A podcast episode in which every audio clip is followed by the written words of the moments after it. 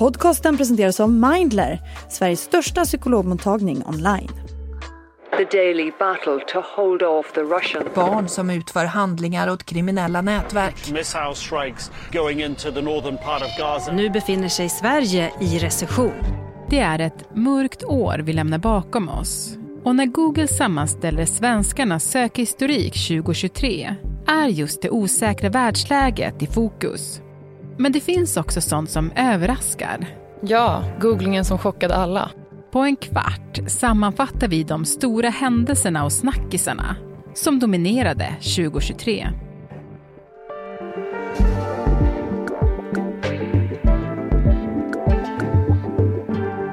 Det är den 27 december. Det här är dagens story från Svenska Dagbladet med mig, Alexandra Karlsson. Gäster idag, SVDs Mellanösternanalytiker Jesper Sundén. Ja, men jag, pratar, jag pratar väl så här. Ja, du brukar prata så, precis. Kulturredaktör Essie Klingberg. Ja. Och ekonomireporter Johan Karlström. Mm. Hörni, det här har ju varit, får man väl ändå säga, ett tufft år på många sätt och vi ska försöka sammanfatta det här idag. Jag tänkte innan vi gör det, vad skulle ni ge för betyg på 2023? Johan? Ja, när det gäller ekonomin, det har ju varit ett dystert år med högre räntor och inflation och allt det där och nu har ju arbetslösheten börjat ticka upp också så att det har ju varit ett, verkligen ett mörkt år. Om man tar den positiva taken på det så kan man väl säga att en del trodde kanske att det skulle bli ännu mörkare. Så ett plus istället för minus kanske? Ja, inte lika mycket minus som man, de värsta scenarierna. Mm, alltså kulturen har väl på något vis eh, famlat lite i liksom skuggan av alla de här jättestora omvärldshändelserna och försökt hitta liksom ett sätt att förhålla sig till att det pågår krig, att vi är i en ekonomisk kris. Och samtidigt så märker man att alltså från läsarhåll så finns det ett ganska stort intresse för liksom den existentiella dimensionen av de här händelserna. Ja, när, man, när man har fångat upp det i liksom kulturartiklar så har det blivit väldigt uppskattat. Mm. Jesper? Men om man ser på utrikesområdet så har det ju varit ett väldigt mörkt år med krigen i Ukraina, terrordådet mot Israel som ledde till krig i Gaza, inbördeskriget i Sudan. Alltså det finns en massa elände så att betyget för det här året måste bli väldigt lågt. Ja, men om, om vi tar ditt bevakningsområde Jesper, som är Mellanöstern Mm, främst, mm. så har det ju verkligen varit i fokus sen Hamas terrordåd mot Israel i oktober som då blev startskottet för kriget i Mm, Gaza. mm. Och det som Google har gjort då, det är att de har sammanställt vad vi har sökt mest på. Och en sån sak är, vad är Hamas? Mm, mm. Ja, Hamas är ju en islamistisk terrororganisation. Hamas eh, betyder den islamistiska motståndsrörelsen och de har ju som, som mål att utplåna staten Israel. Och det här har de de senaste 30 åren ägnat sig åt en mängd terrordåd. De har sprängt bussar, de har sprängt marknadsplatser, diskotek, eh, de har skickat eh, tusentals raketer mot Israel, mot civila mål. Mm. Och det här 7 oktober, det är liksom kulmen. Det här är inget nytt. Men det som var nytt är att det aldrig varit sånt fruktansvärt brutalt våld. Men jag tänker att folk ställer ändå en sån väldigt konkret fråga, vad är Hamas? V- Vad tänker du att det tyder på? Lite tyder ju på att Palestina-konflikten har hamnat i skymundan av många andra konflikter och mer eller mindre glömts bort. Mm. Det kan man också se väldigt mycket på typ så TikTok, nu kollar jag på dig Jessie, men att, att just det här kriget har blivit väldigt stort där. Absolut, och jag tror också att många kanske överraskats av hur stort engagemanget varit och eh, också hur stor solidariteten med de civila offren varit. Mm. Alltså självklart får man känna sympati och empati med alla de här civila som dödas i Gaza. Men det finns bland de här sympatiyttringarna också ett uttryck stöd för Hamas-ledare och för Hamas som är en grupp som de har en diktatur i Gaza. Det finns ingen yttrandefrihet. Det, protesterar du mot styret så fängslas du eller du kan dödas. Så att det finns en, en djup okunskap om vilka Hamas är. Och du Johan, sen var det ekonomi. Mm. Och det känns som att vi inte har pratat om något annat det här året. Ja, det har varit mycket ekonomi. Kul för dig kanske, men man är, man är ledsen då. Nej då, jag är inte ledsen. inte ledsen. Men vad bra, Mm. då, då kör vi. Ja, men, och en fråga som var jättestor i år, som man kanske har glömt lite nu, det är den här frågan som många googlade. Varför bojkotta Marabou? Nej, men det var ju kriget i Ukraina då. Eh, att väldigt många företag ändå valde att stanna kvar i Ryssland. Och då var det ju Marabou då som, som ägs av ett annat företag som heter Mondelez. De är ett av de här företagen då som fanns kvar i Ryssland och det blev mycket kritik och en mediastorm kring det där. Nu har Liberalernas utrikespolitiska talesperson Joar Forsell skrivit ett brev till kungen med krav om att Marabou ska ta bort stämpeln som kunglig hovleverantör. Finns de kvar fortfarande då? De har fortfarande operations som det heter då i Ryssland, det här företaget Mondelez. Mm. Så nu blir det ingen Aladdin på julbordet för någon?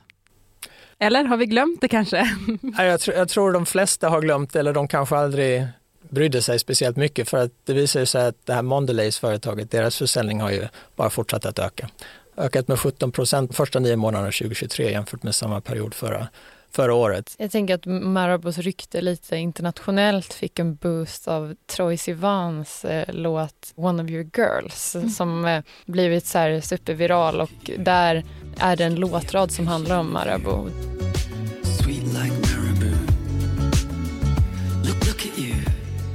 Den, en av låtskrivarna är svensk och då har jättemånga börjat testa Marabou. Amerikaner som inte vet vad Marabou är tycker det är superexotiskt. Mhm, Men okej. gud, wow. Det kanske är en, en stor eh, plan allting. Ja, precis.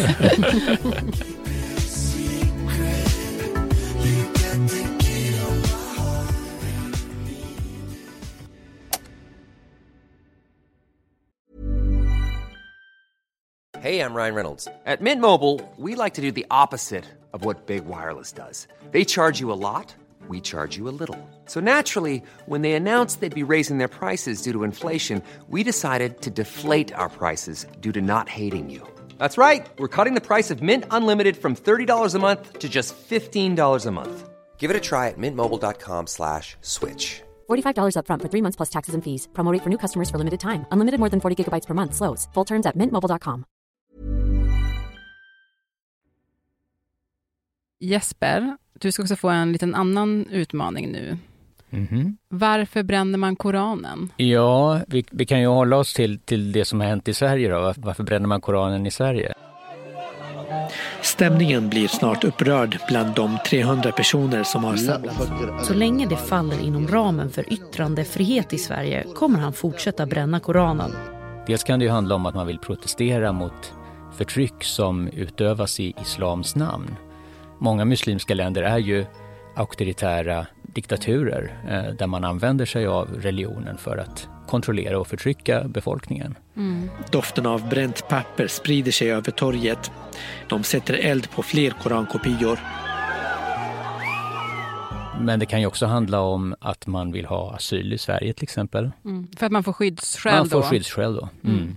Sen kan det också finnas, vilket olika analytiker tror ligger bakom eh, ett par åtminstone av koranbränningarna som har varit i Sverige, att det handlar om att försöka försena eller försvåra det svenska NATO-medlemskapet eftersom det här har inneburit problem med Turkiet inte minst som måste ratificera Mm. Sveriges ansökan.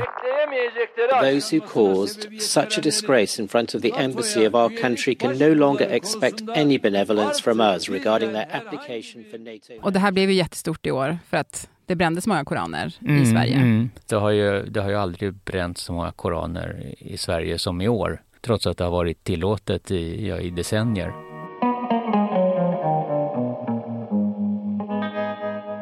Hörni, det här var ju kanske lite av den mörkare delen av 2023. Ska vi försöka gå in kanske i den lite lättsammare delen? Ja, låt oss. Absolut. Och det handlar om kulturgooglingarna. Jag tänkte bara innan vi släpper in dig Jessie, Jesper och Johan, vet ni vad Slay är? Jag tar det som ett nej Jesper. Slayer. För att en fråga som, som ställdes, det var vad betyder slay? Ja, Ska du svara på den direkt? Ja, då? ja men det, det är ju liksom ett slangord. Eh, alltså den re- direkta översättningen är ju dräpa, eh, men det används lite som en synonym till cool. Men jag är faktiskt förvånad att det blev viralt i år för att det känns som ett lite så här 2018-slang. Yes, queen, slay! Ja men precis. Ehm, jag hade kanske tippat på att RIS skulle vara väldigt googlat. Det utnämndes till årets ord av Oxfords universitet. Och det är ett, ehm, en kortform av karisma. Its popularity skyrocketed after actor Tom Holland used it in an interview. I have no riz whatsoever. I have limited riz. My brother. Det är egentligen ett mer intressant ord för att det är väldigt ovanligt att man kapar ett ord på mitten och eh, gör ett slang av det och det har ganska snabbt blivit både ett, ett verb och ett substantiv. Du har Nej, Essie. Tack, tack. Det var väldigt snällt sagt faktiskt. Mm, Första gången någon säger det.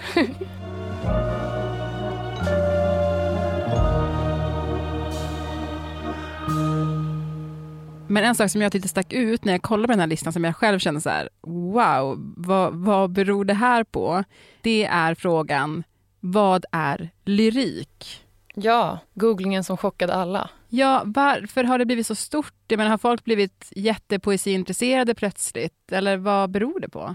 Ja, eh, alltså på kulturredaktionen kunde jag höra lite skrockande muttranden i stil med ho, ho, ho, svenskarna vet inte vad lyrik är.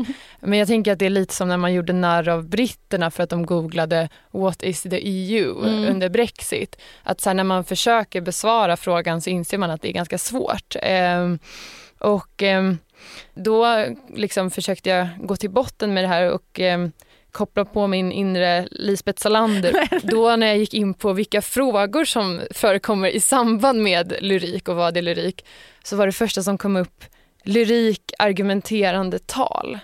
Och då gick ju alla varningsklockor igång hos mig för att jag har ju gjort nationella prov i skolan och jag vet att där så är just argumenterande tal en del.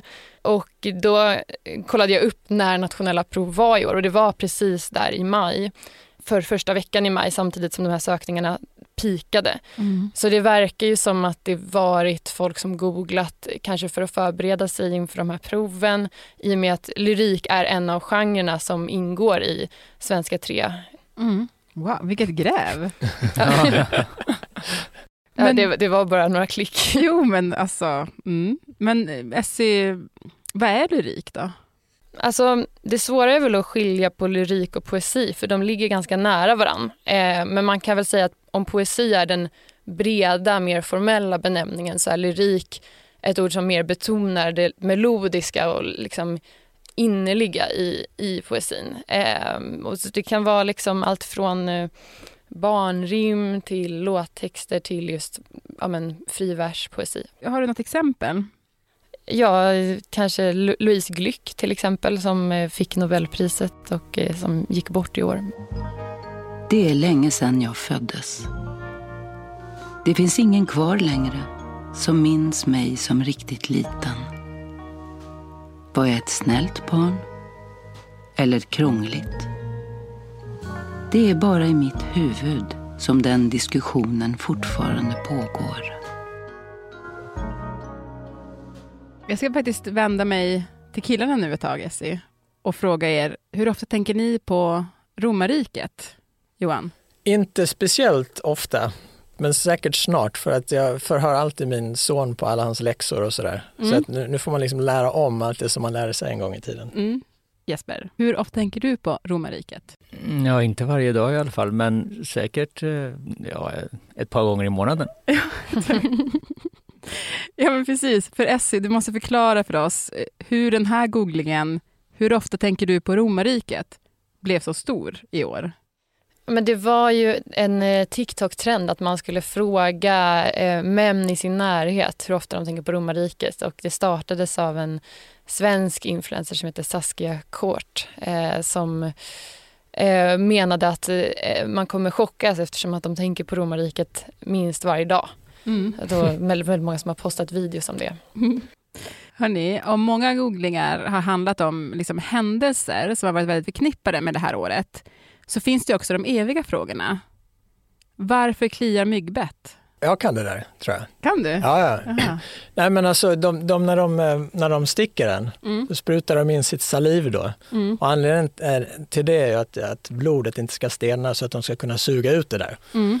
Och det är när det här salivet då reagerar med mänskliga immunförsvaret som det börjar klia och blir lite rött. Man tänker att han kan makroekonomi, men du kan så mycket mer. Eller hur? Det är läxförhören mikro. med, alla, med min son.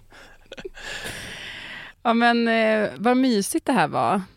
Jag tycker det var ett perfekt avslut på 2023. Mm, nu blickar vi framåt. Och man hoppas väl att 2024 blir lite ljusare. Mm. Och det ser ju faktiskt ut så också, i alla fall i ekonomin. Så att, eh, vi, vi hoppas på ett trevligt och fint 2024. Ja, jag får väl hoppas på samma sak men, eh, men eh, ja, det kan väl kanske inte bli värre. Eh, Men jag hoppas att 24 will slay.